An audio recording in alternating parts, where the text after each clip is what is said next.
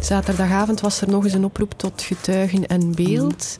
Camera's all over the place, maar om het te reconstrueren is het geen simpel verhaal. Niet zo gemakkelijk, ja. Wat weten we nu al over de dodelijke vechtpartij in Zaventem? Je hebt het hele WK van de Rode Duivels verneukt omdat je zo traag bent en shit, hoe de zoon, je familie sterft. Deze vorm van bedreigingen naar zo heel persoonlijk, ja, dat gaat gewoon uh, drie, vier stappen te ver. Het gezin van voetballer Toby Alderweireld wordt bedreigd. Wat richt zoiets aan? In veel andere ja. Europese landen is vandaag is wel een 8 feestdag. mei een feestdag. Ja. Il y aura bien sûr dans la matinée les cérémonies habituelles pour célébrer la victoire des Alliés sur l'Allemagne nazie. En waarom hebben wij geen feestdag op 8 mei? Hier dus een gewone werkdag bij het kwartier met Sophie van der Donkt. Voor mij is de werkweek nu in feite al halverwege, want dit weekend was ik ook op post als nieuwspresentator. En met de collega's probeerde ik de voorbije dagen zo goed en zo kwaad als dat kon om een beter zicht te krijgen op die dodelijke vechtpartij in Zaventem vrijdag na schooltijd. Volgens onze informatie zouden twee jongerenbendes er met elkaar gevochten hebben. Ik denk een veertigtal jongeren waar we wat getrek en, en wat geroep hoorden. Volgens een getuige die we konden spreken, heeft die schermutseling zich dan voortgezet in het station tot op het perron. Er zijn er drie personen op de sporen terechtgekomen waar dat ze de vechtpartij hebben verder gezet. En kort daarna is een, een hoge snelheidstrein op die plaats uh, gepasseerd. Het dodelijke slachtoffer is vermoedelijk een jongeman van 23 uit Etterbeek. Het tweede slachtoffer een jongen van 16 uit Brussel. Hij is buiten levensgevaar intussen, maar wel erg zwaar gewond. Op sociale media circuleren nu berichten over wraakacties gericht tegen de ZAVO-school. En dus is zowel de politie als de school extra voorzichtig. Twee van mijn vrienden waren hier op dat moment zes. En uh, die zijn nu zo een beetje getraumatiseerd uh, over wat er is gebeurd. Sommige leerlingen zijn zelfs bang om naar school te komen. Dat vind ik niet normaal voor een school en zo. Drie jonge mannen werden gisteravond voorgeleid voor de onderzoeksrechter. Twee zijn vrij onder voorwaarden. Een jongen van 19, leerling van de school, kreeg een enkelband. Vandaag was dus de eerste schooldag na dat dramatische incident en 600 van de 1400 leerlingen zijn thuisgebleven. Justitiecollega Carolien van den Bergen in Zaventem, hallo. Goedemiddag. Het is uh, 14 uur 31 als we dit gesprek opnemen. We zijn bijna drie dagen na de gebeurtenissen. En ja, heel veel weten we nog niet extra over wat er zich vrijdag heeft afgespeeld. Dan begrijp je wel die ongerustheid bij de leerlingen en hun ouders. Heb jij al extra informatie kunnen vergaren?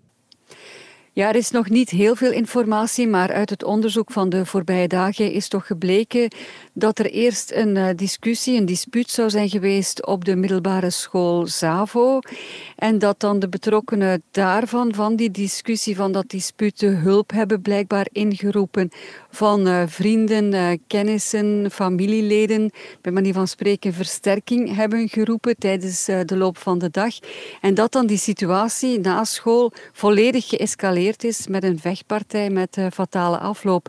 Maar wat nu eigenlijk aan de basis lag van die discussie, van dat dispuut, dat is nog altijd erg onduidelijk. Ook uh, de betrokkenen, de verdachten die uh, afgelopen weekend voor de onderzoeksrechter zijn verschenen, uh, scheppen daar geen klaarheid over. Ik heb met hun advocaten gesproken en zij ontkennen eigenlijk dat ze betrokken waren bij de vechtpartij. En ook weten zij niet wat, wat de oorzaak was, zeggen ze. En ze houden het erop dat ze gewoon naar hier waren gekomen om ja, een avondje op stap te gaan met iemand die ze kende uit de school. Dus uh, het is heel onduidelijk wat er nu precies heeft gespeeld, waardoor dit zo uh, fataal en fout is kunnen aflopen. Er is nu beveiliging bij die school. Hoe lang kan je dat volhouden of moet je dat volhouden? Ik denk dat dat iets is wat uh, dagelijks zal geëvalueerd worden. Uiteraard, na die dramatische gebeurtenis van vrijdag is het logisch, en zeker met de berichten die het voorbije weekend uh, rondgingen over mogelijke wraakacties, dat daar natuurlijk vandaag uh, extra toezicht is gehouden. We hebben hier ook al um, politiemensen te paard zien patrouilleren, dus ik denk dat men dit nog wel even zal aanhouden. Maar dat dat iets is wat dagelijks zal bekeken worden, hoeveel mensen men daarvoor moet inzetten, of de rust kan weerkeren. Ja, of het nog wat langer nodig is om inderdaad hier verhoogd politietoezicht te, te houden. Oké, okay, dankjewel Carolien. Veel succes nog daar. Ja, merci. Dag. Wie wordt kampioen in het Belgische voetbal? Dat is de vraag van 1 miljoen na dit weekend. En bij Genk hopen ze, bidden ze voor een tweede redding van de doelman. Daar is Alderweireld, deze keer wel erin. De gelijkmaker is er van Toby Alderweireld. Antwerp won nog, sprong over Genk, dat samen met Union op één puntje staat. Veel spannender kun je het niet bedenken. En ook bij de ploegen die nog Europees voetbal kunnen halen, voel je de suspense. Hij heeft het uh, weer gedaan, Giftorban. En nu lepelt hij hem toch alweer uh, binnen. Maar het brengt jammer genoeg ook weer het slechtste naar boven bij sommige voetbalsupporters. Het Nigeriaanse toptalent van A-agent Gift Orban werd beledigd op een manier die ik hier niet ga herhalen. Maar je hebt wellicht wel een idee wat voor bagger dat was. En het gezin van Antwerp-aanvoerder Toby Alderweireld werd bedreigd in een online haatbericht. De CEO van zijn club vond het er ver over. We hebben gisteravond vooral overlegd met Toby. Eh, in eerste instantie gaat het naar hem. Uh, gaan dat bedreigen naar zijn kinderen en naar zijn, naar zijn familie. En ja, dat, dat laat niemand onbetuigd. En hij wou eigenlijk heel snel zelf reageren. En dat heeft hij heel goed en sereen gedaan. Uh, en hij zal uiteraard ook klachten indienen bij de politie. Ik denk dat, uh, dat, dat nodig is om een, uh, om een statement te maken, om een signaal te geven naar alles en iedereen rond voetbal, maar alles en iedereen in de maatschappij ook, dat dergelijk gedrag gewoon niet hoort. Ik probeerde wat meer inzicht te krijgen bij sportpsychologen Jens van Lier Hallo. en Jeff Brouwers. Wat gebeurt er in het hoofd van een topsporter bij zulke uitspraken? Wat gebeurt er? Dat effect kan anders zijn op elke sporter. Naar gelang van hoe dat ze dat percipiëren, zien ze dat, kunnen ze dat kaderen in de zin van het ligt aan die andere mensen en die weten er niks van en die kunnen dat daardoor een beetje bijna rationaliseren en, en daar wat dat gevoel wat minder uh, sterk kan doorkomen bij hen. Bij anderen kan dat natuurlijk ja, een heel boos gevoel geven, soms ook wel een angstig gevoel of, verdriet van amai, ik word totaal niet geapprecieerd gewoon omdat ik uh, een andere huidskleur heb bijvoorbeeld. Het gaat echt over de interpretatie van, van, van de sporter zelf. Ik denk dat ze onmiddellijk bij naasten hulp zullen zoeken om daar psychologisch toch wat ja, meestanders in te creëren, omdat dat ook heel belangrijk is. En dat wanneer er echt doodsbedreigingen zijn, zoals dat gebeurd is bij Toby Alderweireld, dan denk ik dat het heel nuttig is om dat onmiddellijk wereldkundig te maken. No to racism. Op banners, in spotjes en op truitjes is de boodschap Say no to racism, maar toch blijft het gebeuren. Waarom? Het is enorm verspreid en alle mogelijke acties hebben tot hiertoe weinig opgeleverd. Hè. Het, is, uh, het blijft maar duren. Het blijft maar uh, doorgaan met de allerlei uh, opmerkingen, waarbij de bedreiging natuurlijk het meest vergaande is. Mijn stelling, die toch door research wordt bevestigd, dat is dat het in de mens zit. Hè. Wanneer iemand ja, niet behoort tot uw groepje, ja, dan, en zeker in de sport, ja, dan gaat men soms ver om dat duidelijk te maken. En dus proberen topsporters zich zo goed mogelijk te wapenen met de mogelijkheden die ze hebben. Het meest gebruikte zinnetje binnen de sportpsychologie, toch binnen de praktijk, dat is control the controllables. En uw tegenstander heb je niet onder controle en de supporters van de tegenstander en je eigen supporters eigenlijk ook niet, heb je ook niet onder controle. En dan moet je eigenlijk zelf als sporter leren omgaan van oké, welke gedachten krijg ik hierbij en welke gevoelens krijg ik hierdoor, door wat er gebeurd is. Als ze tegen mij zeggen, wat doet dat met mij? Bij sommige sporters die moeten een beetje afsluiten door bijvoorbeeld uh, relaxatieoefeningen te gaan doen of, of meditatieoefeningen of iets dergelijks. Sommigen die kunnen eerder uh, de sport op zich al een uitlaat bezig zijn met hun bal en nog meer gaan trainen, nog meer in die tunnel kruipen van, van, van, van training en beter worden en, presta en presteren, ja, dat kan ook al een, een, een, een manier zijn om daarmee om te gaan. Dat zien we ook wel. Maar het maakt er natuurlijk uh, zeker niet makkelijker over op als er echt doodsbedreigingen of racistische uitspraken zijn. Dat is gewoon, ja, not done. Hè. Dat is gewoon dikker over. Ik zei het daarnet al, voor mij voelt dit als het midden van de werkweek en een feestdaggevoel heb ik al zeker niet. Maar in onze buurlanden Nederland en Frankrijk is dat een ander verhaal.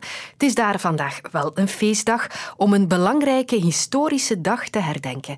8 mei 1945, dat was de dag dat Nazi-Duitsland zich overgaf aan de geallieerden. Luister nog eens mee. At Allied Mediterranean headquarters in Italy, the Germans unconditionally give up all of Italy and southern Austria. In civilian clothes, representatives of the German armies signed the surrender document. Solemn but glorious hour. I wish that Franklin D. Roosevelt had lived to see this day.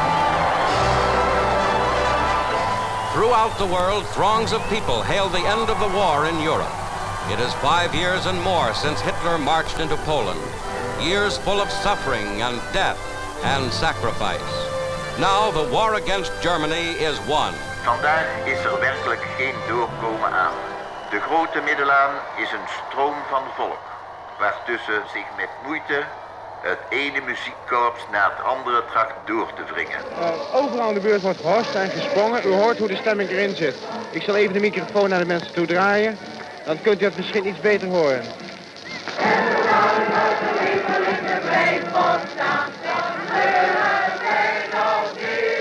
En zo kwam er dus een einde aan de Tweede Wereldoorlog. Hallo. Dit is Danny Neut. Ik ben historicus en intensief bezig met de herinnering uh, aan het verzet tijdens Wereldoorlog 2. En als het aan Danny ligt, zouden ook wij vandaag een feestdag hebben. Het Belgische verzet heeft een bijzonder grote bijdrage geleverd aan de overwinning van de geallieerden op Nazi-Duitsland.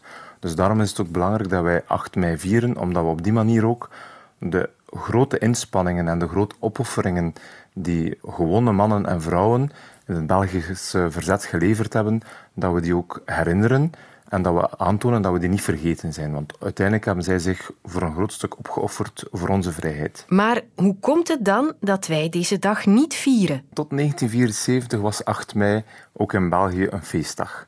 Maar in 1974 is de oliecrisis uitgebarsten, waren er besparingsmaatregelen nodig en toen heeft men ervoor gekozen om 8 mei als feestdag af te schaffen, waardoor mensen eigenlijk een dag meer moesten werken. Hij is dus voorstander om 8 mei opnieuw in te voeren als een feestdag. Maar niet iedereen is het daarmee eens. Ja, mijn naam is Nico Wouters. Ik ben het hoofd van het uh, studiecentrum Oorlog en Hedendaagse Maatschappij. En ik ben op dit moment eerder tegenstander van een nationale feestdag, uh, nationale herdenkingsdag van de Tweede Wereldoorlog. Ik ben niet overtuigd van de voordelen. De twee historici geven een paar argumenten pro en contra een feestdag op deze 8 mei.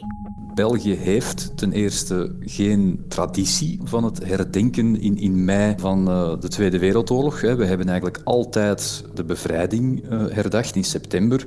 Dus de situatie van bijvoorbeeld Nederland te projecteren op België klopt eigenlijk niet, want Nederland heeft een, is wel bevrijd in mei en heeft ook een, een heel andere nationale traditie. Voor mij is het een kwestie van rechtvaardigheid. Het verzet heeft een zeer grote bijdrage geleverd aan, aan onze bevrijding, maar we zijn bijna al die mensen vergeten. 150.000 mensen zaten in het verzet en daarvan zijn er zelfs 15.000 gestorven. Uh, mensen die in de concentratiekampen gestorven zijn, maar die ook hier in België onthoofd zijn, geëxecuteerd, doodgemarteld. Dus we hebben het over heel gruwelijke dingen uh, die die mensen zijn overkomen. En dan is het niet eerlijk dat die volledig uit ons collectief geheugen gewist zijn. En, en wij daar niets meer van weten eigenlijk. Die mensen verdienen beter dan dat. De Tweede Wereldoorlog is vandaag eigenlijk meer aanwezig dan, dan ooit tevoren. Er zijn vandaag meer uh, boeken, meer films, meer documentaires, ook meer herdenkingsdagen. Maar toch zien we dat, dat de kennis en het inzicht van jonge mensen uh, over de Tweede Wereldoorlog altijd maar afneemt. Dus ja, dan is mijn conclusie eigenlijk, ja, misschien hebben we niet nog meer van hetzelfde nodig, niet nog meer herinnerings- of herdenkingsdagen, zeker niet op een nationaal uh, niveau. Maar moeten we misschien nadenken over ja, andere manieren? Een feestdag heeft natuurlijk ook wel een, grote symboliek. Het is een dag waarop dat mensen vrij hebben en waar er ook allerhande activiteiten kunnen georganiseerd worden. Dat is ook wat we ten andere nu doen met Vrij op 8 mei. En dit zijn de namen, zijn eigenlijk een cultureel programma aanbieden aan de mensen een cultureel programma dat gaat, net gaat over het vieren van die bevrijding. Het vieren van de overwinning op het nazisme. Dat staat daarin centraal. Wat het ook wordt met 8 mei in ons land of niet, wij hebben de historische betekenis nog een keer in de kijker gezet. Tot morgen. Luister ook naar Snapt je mij nu? Onze VRT Nieuws-podcast waarin straffe twintigers praten over hot topics. Nu in de app van VRT Max.